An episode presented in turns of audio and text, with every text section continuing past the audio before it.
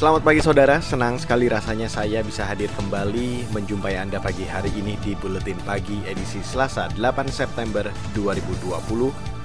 Dan tim redaksi KBR pagi hari ini sudah menyiapkan informasi terkini untuk Anda. Di antaranya pemerintah waspadai penyebaran COVID-19 di klaster keluarga, penuntasan kasus Munir terancam kadaluarsa dan pengungsi Rohingya di Aceh alami masalah kesehatan. Saudara inilah Buletin Pagi selengkapnya terbaru di Buletin Pagi. Presiden Joko Widodo memperingatkan tiga klaster penularan COVID-19 yang perlu diwaspadai. Ketiga klaster itu adalah klaster perkantoran, keluarga, dan pilkada. Menurut Jokowi, selama ini imbauan mematuhi protokol kesehatan hanya terfokus di tempat-tempat umum saja, padahal ketiga klaster itu juga wajib diwaspadai. Kalau kesehatan baik, ekonominya akan juga membaik. Hati-hati, ini perlu saya sampaikan, hati-hati yang namanya klaster kantor. Yang kedua, klaster keluarga, hati-hati. Yang terakhir juga klaster pilkada, hati-hati ini. Agar ini selalu diingatkan. Jokowi memerintahkan seluruh pembantunya mendisiplinkan masyarakat dalam menaati protokol kesehatan, salah satunya penggunaan masker. Sementara itu, klaster keluarga paling banyak ditemukan di Bekasi, Jawa Barat. Jumlahnya 150-an klaster keluarga dengan 430-an kasus positif. Lalu Bogor terdapat 48 klaster keluarga, disusul Malang, Yogyakarta, dan Semarang. Hal ini disampaikan analis dan penulis di akun Instagram Pandemic Talks Firza Radiani. Menurutnya, klaster keluarga sangat berbahaya karena tidak bisa dipantau pemerintah. Uh, yang paling bahaya lagi adalah dengan culture sosial bangsa Indonesia yang suka silaturahmi, berkunjung sesama rumah antar warga ini semakin mempercepat penularan pasar antar rumahnya. Hal ini diperburuk lagi karena beberapa warga itu menolak untuk tes swab karena stigma, stigma dijauhi oleh keluarga, lingkungan dan, dan seterusnya. Analis dan penulis di akun Instagram Pandemi Talks, Firza Radiani menghimbau pemerintah memperbanyak tes swab COVID-19 hingga ke level RT dan desa. Temuan klaster keluarga ini berdasarkan hasil pantauan di sejumlah media nasional. Firza menduga ada klaster keluarga lain yang belum terdata. Saudara, salah seorang pasien positif COVID-19 yang sudah sembuh, Dahlia Citra menceritakan dirinya sempat menjalani 25 hari isolasi mandiri di rumah, berikut seluruh protokol kesehatannya. Hal itu untuk menghindari anggota keluarga terdekat lainnya ikut tertular virus corona. Jadi uh, saya sudah masuk uh, ruangan isolasi, kemudian hari berikutnya langsung anak, suami, uh, si mbak itu semuanya swab gitu, dan alhamdulillah mereka semuanya hasilnya negatif. Artinya ada dua, yaitu uh, proteksi, jangan berhubungan, jangan uh, bertatap muka langsung dengan siapa pun, dan kedua uh, menyediakan apa yang kebutuhan dasar untuk menjaga kesehatan fisik kita gitu. Salah seorang pasien positif COVID-19 yang sudah dinyatakan sembuh, Dahlia Citra menambahkan, Selama isolasi mandiri di ruangan khusus dalam rumah, proteksi diri dan keluarga dilakukan sangat ketat. Termasuk jaga jarak, larangan tatap muka, apalagi kontak fisik langsung dengan anggota keluarga lainnya. Saudara pengurus Pusat Perhimpunan Dokter Spesialis Paru Indonesia menilai munculnya kasus COVID-19 dari klaster keluarga dinilai akibat semakin bebasnya aktivitas masyarakat di luar rumah. Sekjen Pengurus Pusat Perhimpunan Dokter Spesialis Paru Indonesia Erlang Samudro mengatakan, Pelonggaran aktivitas membuat orang-orang yang pergi keluar rumah rentan tertular virus corona, sehingga transmisi lokal berpotensi terjadi antar anggota keluarga. Ya, ini akibatnya ya karena sudah dibebaskan ya, jadinya orang beraktivitas sudah seperti biasa dan yang lagi-lagi kadang-kadang tidak sadar bahwa dia terinfeksi oleh lingkungan sekitar, misalnya dari kantor atau teman atau ketika lagi apa, lagi iya. bersosialisasi, itu yang jadi masalah. Sekjen Pengurus Pusat Perhimpunan Dokter Spesialis Paru Indonesia Erlang Samudro menambahkan, klaster keluarga sangat berisiko fatal kalau menulari kelompok rentan seperti anak-anak, lanjut usia, dan mereka yang berpenyakit penyerta. Sementara itu, Saudara, Organisasi Kesehatan Dunia atau WHO menyebut perlu pemahaman tinggi tentang pentingnya pencegahan COVID-19 di lingkungan keluarga. Berikut pernyataan penasihat senior untuk Dirjen WHO Dia Satyani Saminarsi. Kelihatannya seolah-olah dia tidak disiplin, tetapi barangkali saja dia memang nggak paham bahwa bagaimana caranya isolasi. Isolasi mandiri itu apa? Bukannya berarti di rumah bisa berjalan-jalan kan enggak, padahal di rumahnya ada 10 orang yang lain. Isolasi mandiri itu untuk seseorang bisa paham bahwa harus di kamar aja, nggak boleh ketemu keluarganya, alat makan dipisah, kamar mandi dipisah, cuci bajunya dipisah. Itu butuh pemahaman mengenai kesehatan uh, atau cara hidup sehat yang dalam. Itu tadi penasihat senior untuk Dirjen Organisasi Kesehatan Dunia atau WHO, Dia Satyani Saminarsi. Sementara itu, jumlah kasus positif COVID-19 di Indonesia hingga kemarin mencapai lebih dari 196 ribu orang. Jumlah itu termasuk penambahan 2.800-an kasus baru. Kemarin jumlah pasien sembuh bertambah 2 ribuan orang dan pasien meninggal bertambah 105 orang. Mulai 7 September hingga 6 Oktober, pemerintah mengkampanyekan slogan Ayo jaga jarak dan hindari kerumunan. Kita beralih ke mancanegara, saudara Arab Saudi menginginkan solusi yang adil dan permanen untuk menyelesaikan masalah Palestina. Harapan itu disampaikan Raja Salman kepada Presiden Amerika Serikat Donald Trump saat keduanya berkomunikasi melalui telepon minggu kemarin. Salman juga mengatakan sangat mengapresiasi upaya Trump mendukung upaya perdamaian di Timur Tengah. Tapi Salman berharap Trump memprioritaskan proposal prakarsa perdamaian Arab yang pernah diusulkan Arab Saudi 18 tahun lalu. Proposal itu menawarkan hubungan yang dinormalisasi kepada Israel, tetapi dengan imbalan kesepakatan kenegaraan untuk Palestina, serta penarikan penuh Israel dari wilayah Palestina yang direbut ketika Perang Timur Tengah 1967 silam. Saudara, informasi soal penuntasan kasus pembunuhan Munir akan kami hadirkan usai jeda. Jadi tetaplah bersama kami di Buletin Pagi KBR. You're listening to KBR Pride, podcast for curious mind. Enjoy!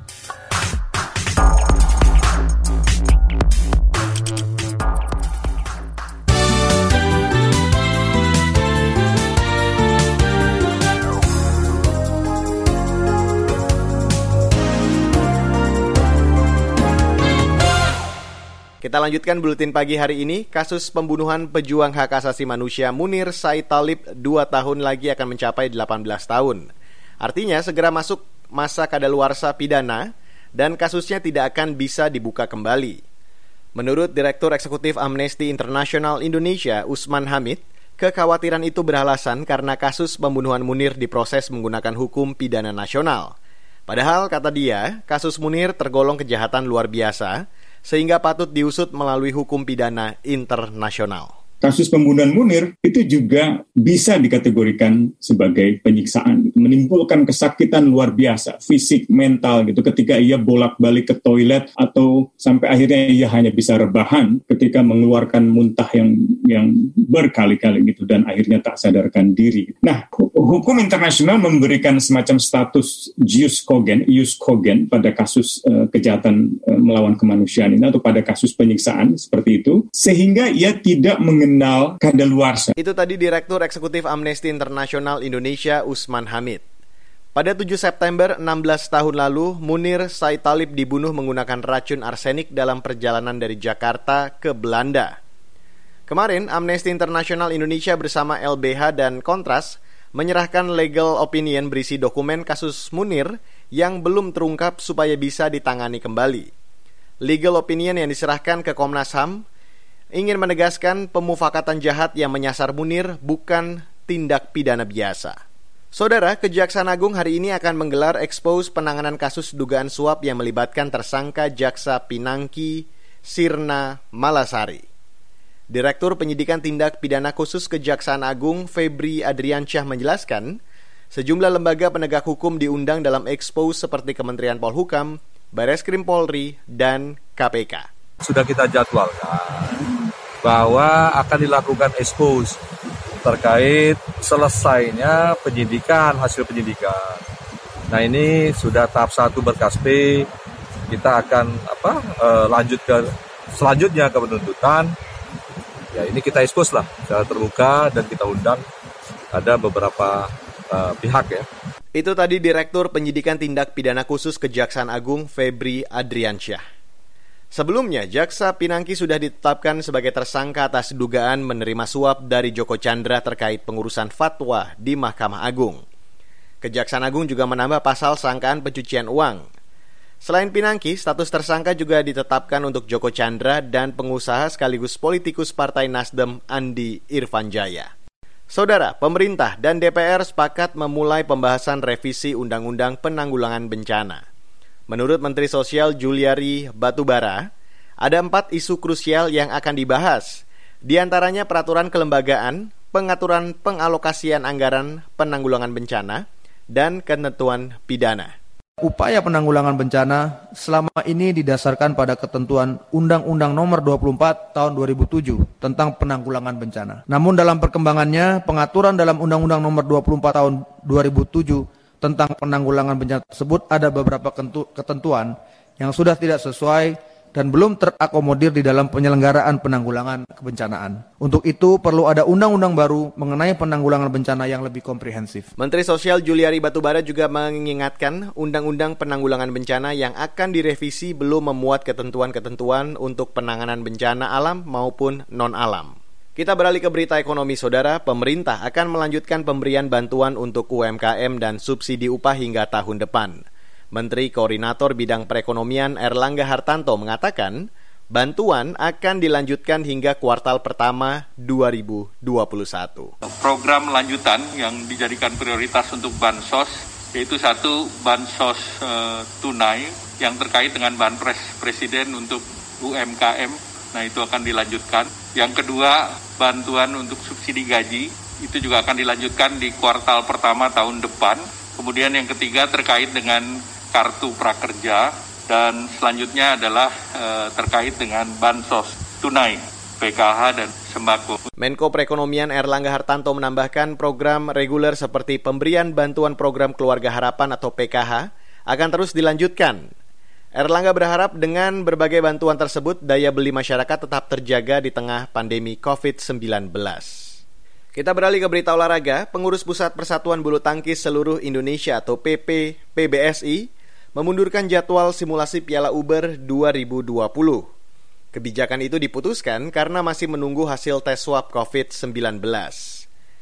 Sekjen PP PBSI Ahmad Budi Harto mengatakan, Simulasi Piala Uber 2020 yang seharusnya digelar hari ini hingga tiga hari ke depan diundur 9 hingga 11 September mendatang. Simulasi akan tetap dimainkan dalam dua sesi per hari di Pelatnas Cipayung, Jakarta Timur. Sesi pertama mulai jam setengah sembilan pagi dan sesi kedua jam 3 sore. Saudara, laporan khas KBR bertajuk potensi klaster baru pilkada serentak akan kami hadirkan usai jeda. Tetaplah bersama kami di Buletin Pagi KBR. You're listening to KBR Pride, podcast for curious mind. Enjoy!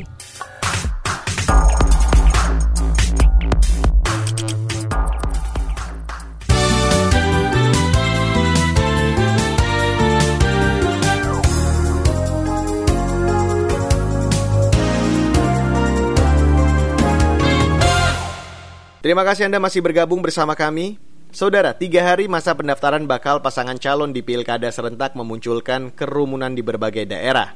Banyak kandidat baik dari petahana maupun penantang gagal mengelola dan mengarahkan pendukungnya agar mematuhi protokol cegah COVID-19. Kondisi ini membuat pilkada berpotensi menjadi klaster baru. Simak laporan tim KBR yang dibacakan Astri Yuwanasari. Saya ketua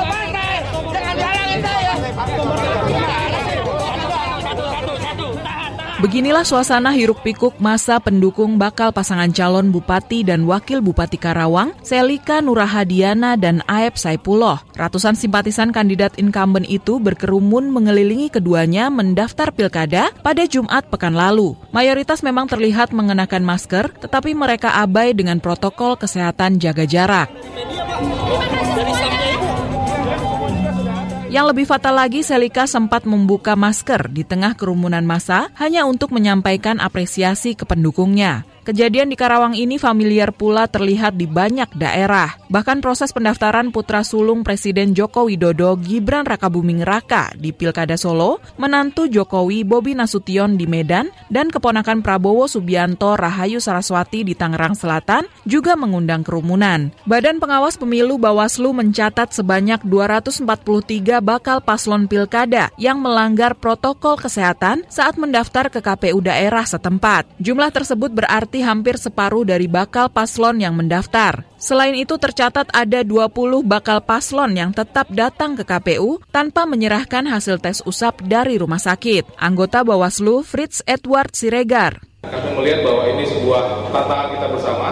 Kita sepakat untuk melaksanakan pilkada pada tahun 2020, tetapi proses pendaftaran tadi sudah disampaikan oleh Pak Ketua KPU ada 687 paslon dan hampir setengahnya 243 itu tidak mematuhi kepada protokol protokol kesehatan pada saat datang ke kantor kami. Sehingga ini PR kita terbesar bagaimana kita tetap dapat menjalankan pilkada 2020 dengan tetap menerapkan protokol kesehatan. Anggota Bawaslu Fritz Edward Siregar menambahkan kepatuhan terhadap protokol kesehatan masih menjadi pekerjaan rumah dalam tahapan Pilkada serentak 2020. Fritz meminta ketegasan dari penegak hukum, pemerintah, hingga Satgas Penanganan COVID-19 di daerah untuk menindak tiap pelanggaran. Kementerian Dalam Negeri mengklaim sudah menindak pelanggaran tersebut dengan memberikan teguran ke lebih dari 50 calon kepala daerah. Dirjen Politik dan Pemerintahan Umum Kemendagri Bahtiar mengatakan, perilaku para kandidat tersebut terutama incumbent tak mencerminkan keteladanan selayaknya pemimpin. Kami sendiri Kementerian Dalam Negeri per hari ini teman Pak Dirjen Oda juga sudah menegur itu kalau tidak salah 51, satu gubernur 50 bupati. Jadi hukum protokol kesehatan ini berlaku pada siapa pun gitu. Nah apalagi kalau dia petahana mestinya dia jadi contoh dong menerapkan protokol kesehatan. Bahtiar memastikan pengawasan juga dilakukan di tiap tahap tahapan pilkada seperti kampanye. Ia mencontohkan acara konser deklarasi calon wakil bupati Pohuwato yang langsung mendapat teguran. Menurutnya, pelanggaran semacam ini semestinya ditindaklanjuti oleh Bawaslu dan penegak hukum. Contoh yang sudah ditegur oleh Pak Gubernur Gorontalo kan Pak Uhato itu yang ada joget itu kan, ada nyanyi-nyanyi itu dan ditegakkan dan bukan hanya ditegur, kemungkinan nanti ada proses lanjutan ini dari Bawaslu. Di sisi lain, Bahtiar mengapresiasi beberapa bakal paslon yang tertib menegakkan protokol kesehatan saat melakukan pendaftaran. Kita contoh saja misalnya kemarin di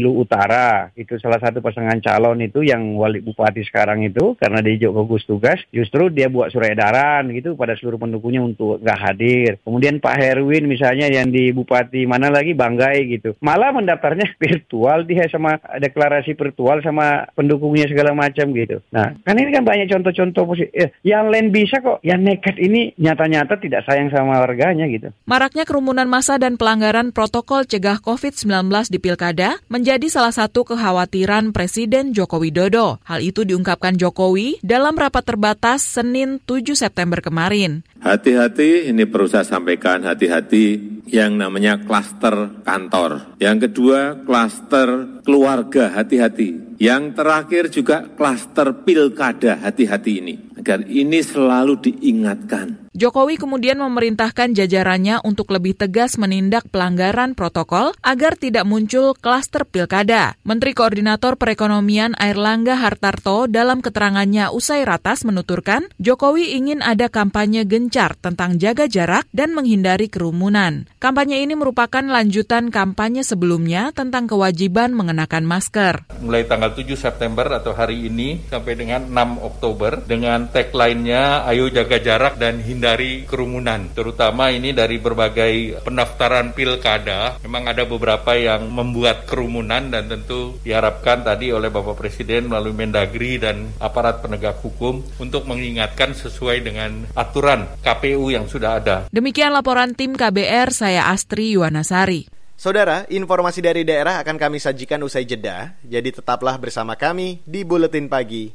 KBR. You're listening to KBR Pride, podcast for curious mind. Enjoy!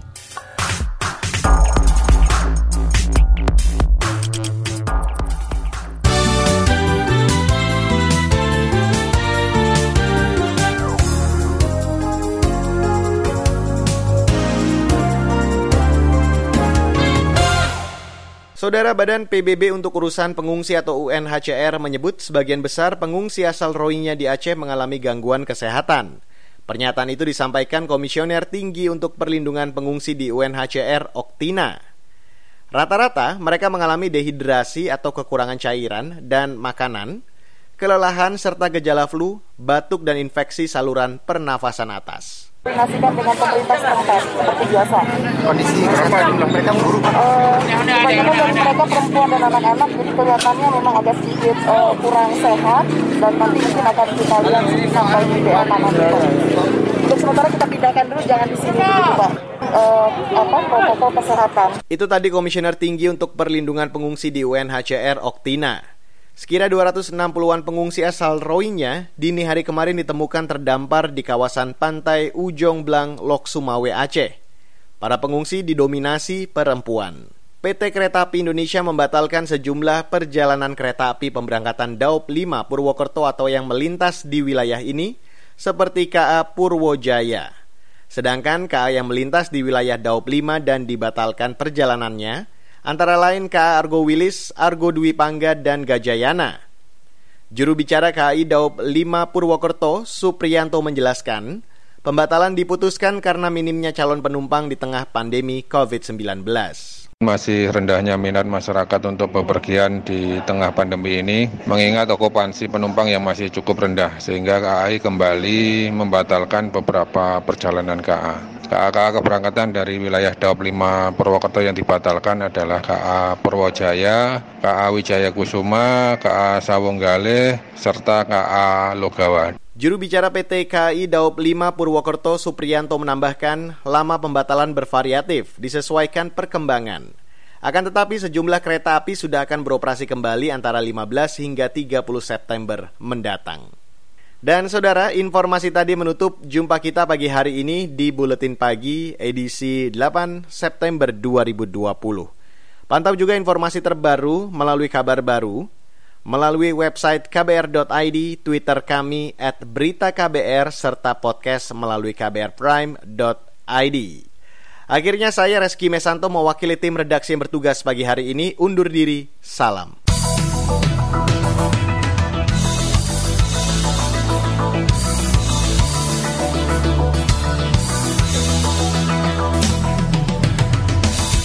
KBR Prime, cara asik mendengar berita. KBR Prime, podcast for curious mind.